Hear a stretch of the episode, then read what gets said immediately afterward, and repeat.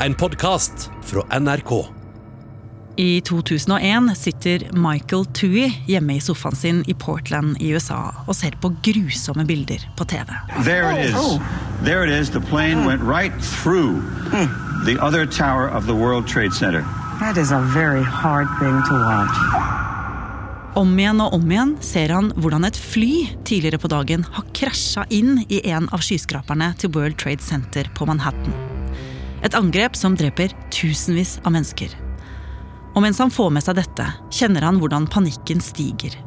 For dette kunne jo han kanskje ha avverget. I lost it. I was crying. I, I was shaking. Um, I, I, I'm saying, what did I miss? I'm starting to blame myself. Hva var det Michael kunne ha gjort den dagen som kunne ha hindret deler av terrorangrepet som endra verden? Oppdatert. Jeg heter Ragna Nordenborg. Det var 11. september 2001 grytidlig om morgenen, og flyplassansatte Michael Tui eh, han hadde akkurat begynt på tidligvakta si i innsjekkinga på den lille flyplassen i Portland, Maine, lengst nord langs østkysten av USA. Tove Bjørgaas har laget serien om 11. september i podkasten Krig og fred, og har intervjuet Michael Tui. Og Tove, hvordan var stemningen på flyplassen der Michael jobbet denne morgenen? Det var en rolig morgen. Det var bare noen få morgenfly som skulle lette, blant annet et med US Airways til Boston som gikk klokka seks. Yeah, we worked through the line very quickly because there, you know, wasn't a ton of people. And uh, as I, I, I told one of my uh, fellow agents, I said, I'm going to go outside and have a cigarette. Og det er når han går ut for å ta denne røykepausen at han ser noen som ser ut som de trenger hjelp. As I'm going out, I see these two gentlemen, and they look like they were a little confused. So I just said to them, Are you on US Airways? And they said, Yes. And I says, Oh, okay. What flight? And they said, The six. I says, Oh, you better get over here. I says, It's very late for check in. Sammen med disse to karene så fortet Michael seg tilbake til innsjekkingsskranken sin, og der fikk han se at de to hadde billetter på første klasse til Los Angeles, med mellomlanding i Boston. De hadde amerikanske førerkort, selv om de ikke var amerikanske statsborgere. Eh, og han kunne se at de het Abdulaziz al-Omari og Mohammed Atta.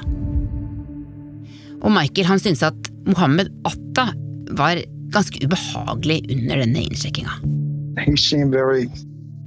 Um, hostile. He seemed like an angry person.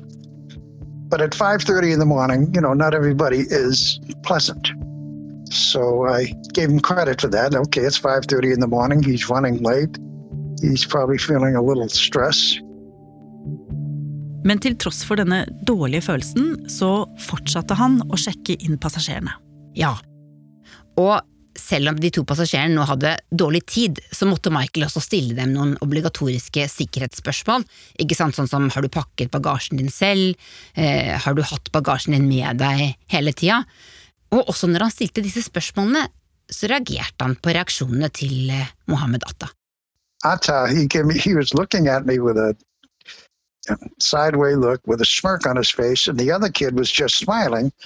And I don't think he understood a word what I said. Og det var etter dette at han faktisk bestemte seg for å bryte med innsjekkingsprosedyrene. Ja, Michael han jobbet for et flyselskap som het US Airways, og de hadde akkurat fått en ny regel om at hvis en passasjer skulle fly videre med et annet flyselskap, så kunne Michael gi dem boardingkort hele veien. Men det hadde han ikke så veldig lyst til å gjøre, han, han hadde en sånn sånn uggen følelse. Så derfor så sa han at her har dere boardingkort til Boston, der de skulle mellomlande, og der kan dere gå i en førsteklasseskranke og få boardingkort til Los Angeles. Ok, Så han sørget altså for at eh, disse to mennene måtte sjekke inn på nytt i Boston. Og da han gjorde det klart, så ble det jo enda dårligere stemning. Ja. And that's when Mohammed Atta says to me, Hey, they told me one step check in. And I looked at him and I said, Oh, he knows I'm supposed to give him his boarding cards. I said, He knows that. And, you know, here's the thing that has stuck out in my head from that day to this. I looked at him, he's looking at me, and I says, Geez, if this guy don't look like an Arab terrorist, nobody does. And he, I think he was just about to say something else, and I was just about to hit a key on the computer that would have stopped everything. And then I gave myself a slap in the head saying, no, it's you're being kind of racist and stereotypical and no. So I said, listen, Mr. Atta, if you don't get upstairs very quickly, you're going to miss your flight. And he walked away, both of them.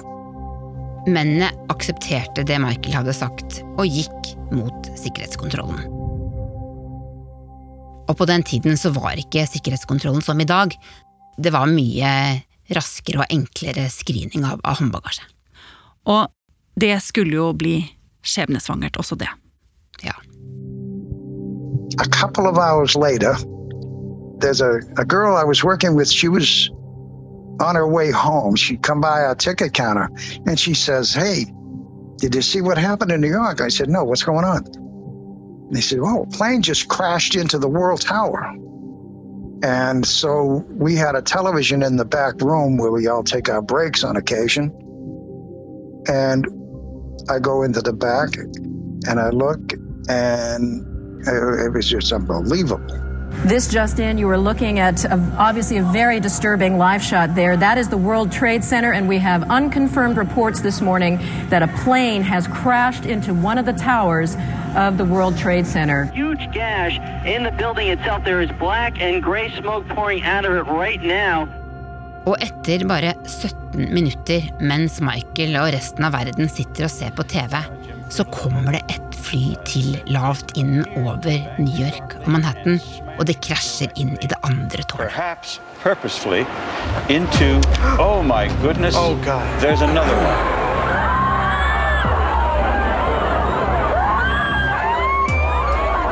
This one into the east tower. Yes, yes, right in the middle of the building.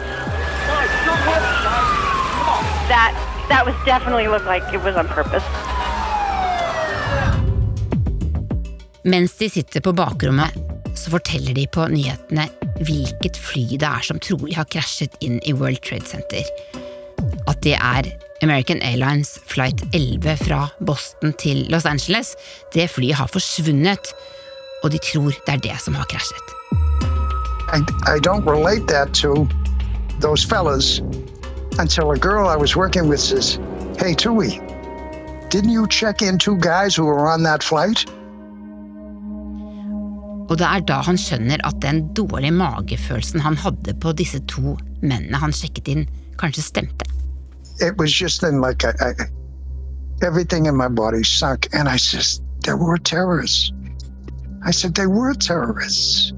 It was like it hit me right in the face that these guys, that sneaky suspicion that I had, which I gave myself a face slap for, for being, you know, racist or whatever you want to call it, and they were actually terrorists.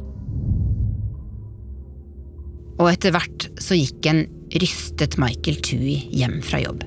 So I went home, and the worst thing I did was I turned on the news and I started watching. Few in the city will be untouched by what happened today. So often in the past, we've been able to say it could have been worse. Tonight, this time, it's hard to imagine how. And uh, that, that, that's it. That's when it really struck home. Uh, made me sick. When they showed people screaming and fleeing and running through the streets. And then one guy was talking about a, a, a strange noise that he kept hearing. And the noise was people who jumped off the building, landing on the sidewalk. And I just lost it there. I just couldn't believe it.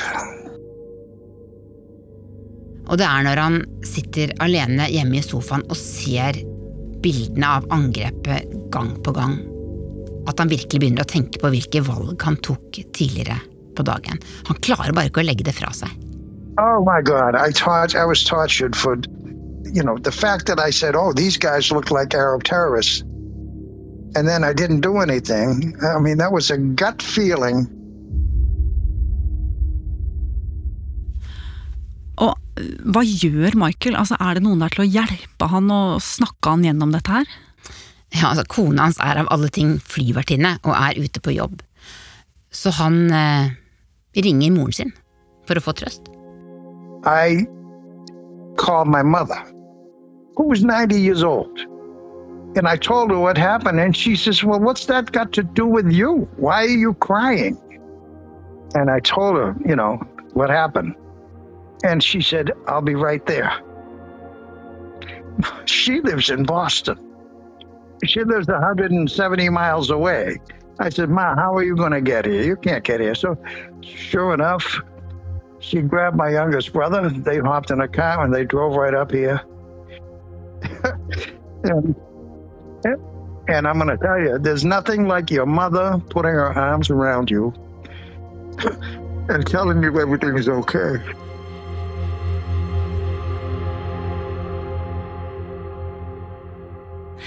Og allerede dagen etter, altså 12. september 2001, så begynte man jo å få et bilde av eh, hva som hadde skjedd den dagen.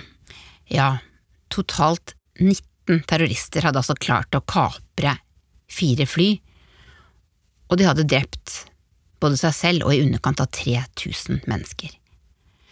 Dette hadde de klart ved å bruke foldekniver. På den tiden var det noe som het Leatherman-kniver, som var veldig populære, og det er det etterforskerne etter hvert mente at de hadde klart å få om bord på disse flyene. Og med foldekniver og rå muskelmakt så har de altså klart å ta seg inn i cockpiten, overmanne, kanskje drepe også pilotene å sette seg ved spakene i flyene for å gjennomføre sin plan. Og de hadde jo på en måte brukt disse flyene som bomber, som ble da detonert inn i disse bygningene. Og alle lurte jo selvfølgelig på hvordan terroristene hadde klart det. Altså komme om bord i disse flyene uten å bli oppdaga. Og derfor ble jo Michael også et veldig viktig vitne for FBI. Ja, Han ble innkalt til flere samtaler med FBI, og i de samtalene så forsto han ganske fort at den aggressive mannen han hadde sjekket inn på flyplassen oppe i Maine, han var faktisk hovedmannen bak hele angrepet. Han hadde hjulpet til med å koordinere og planlegge dette her i, i over to år, og på dette flyet fra Boston til Los Angeles så var han den eneste som hadde pilottrening. Så hvis Michael hadde trykka på den kansellerknappen han var så nære å trykke på den morgenen, så hadde det kanskje ikke vært noen i det flyet som kunne fly inn i det første World Trade Center-tårnet. Og det, det hadde kanskje ikke blitt noe av det første terrorangrepet. Nei, det er vanskelig å si, men trolig ikke. Og hvordan gikk det egentlig med ham i tiden etter? Han kom tilbake på jobb ganske raskt, men han klarte ikke å legge fra seg det han eh, hadde vært med på. Han, han spilte liksom denne filmen i innsjekkingsskranken den morgenen om og om igjen oppi hodet sitt. Etter hvert så fikk han eh, psykologhjelp, men det slapp liksom ikke. Og ikke bare det, han skjønte at rapporten om terrorangrepene 11.9 nærmet seg, og fryktet at han ville være en del av den rapporten. Og, og hvorfor ville han ikke være nevnt i denne rapporten? Eh, han syntes at han strevde med dette selv, men at også resten av verden skulle få vite hva han hadde gjort, det syntes han var eh, veldig vanskelig, og det gruet han seg til. Og han hadde jo helt rett, for i 2004, da denne rapporten kom, så braka det jo virkelig løs i pressen. geez, once the cat got out of the bag, you know, it was CNN, ABC, CBS. You know, I, I talked to people on all the far corners of the earth. Men uh, Tove, det skulle jo vise seg at denne ufrivillige outinga kanskje allikevel hadde noe positivt ved seg for Michael. Ja, det gjorde jo kanskje litt det, på en måte. Det ble en slags terapi for Michael å snakke med journalister. Well, actually, you know how you say it may be cathartic. It's if you keep saying it over again, it becomes less painful. Except for those moments when I, I there were certain incidents that happened on that day and after that that, that it just burned into my mind. My God, how many thousands of people's, how many millions of people's of lives were affected from that? It's awful. Og nå er jo Michael Bitt pensjonist, og han sluttet jo også etter noen år eh, med flyplassjobben. Hvordan klarer han seg i dag? Det går eh, bra med han i dag, men han syns alltid at denne dagen 11. september er vanskelig.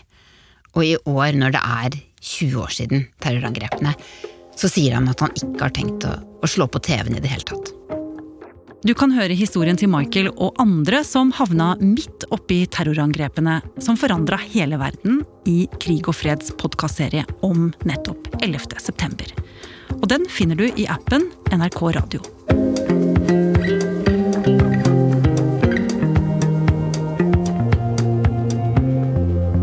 Har du lyst til å bli fast lytter av oss i Oppdatert og få påminnelse om nye episoder, er det bare å følge oss i NRK Radio-appen. Så er det veldig hyggelig hvis du vil anbefale oss til en venn. Oppdatert er en podkast fra NRK Nyheter.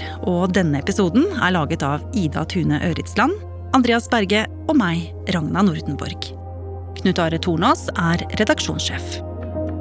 Vil du kontakte oss, gjør gjerne det på oppdatert krøllalfa nrk.no. Du har hørt en podkast fra NRK. Hør flere podkaster og din favorittkanal i appen NRK Radio.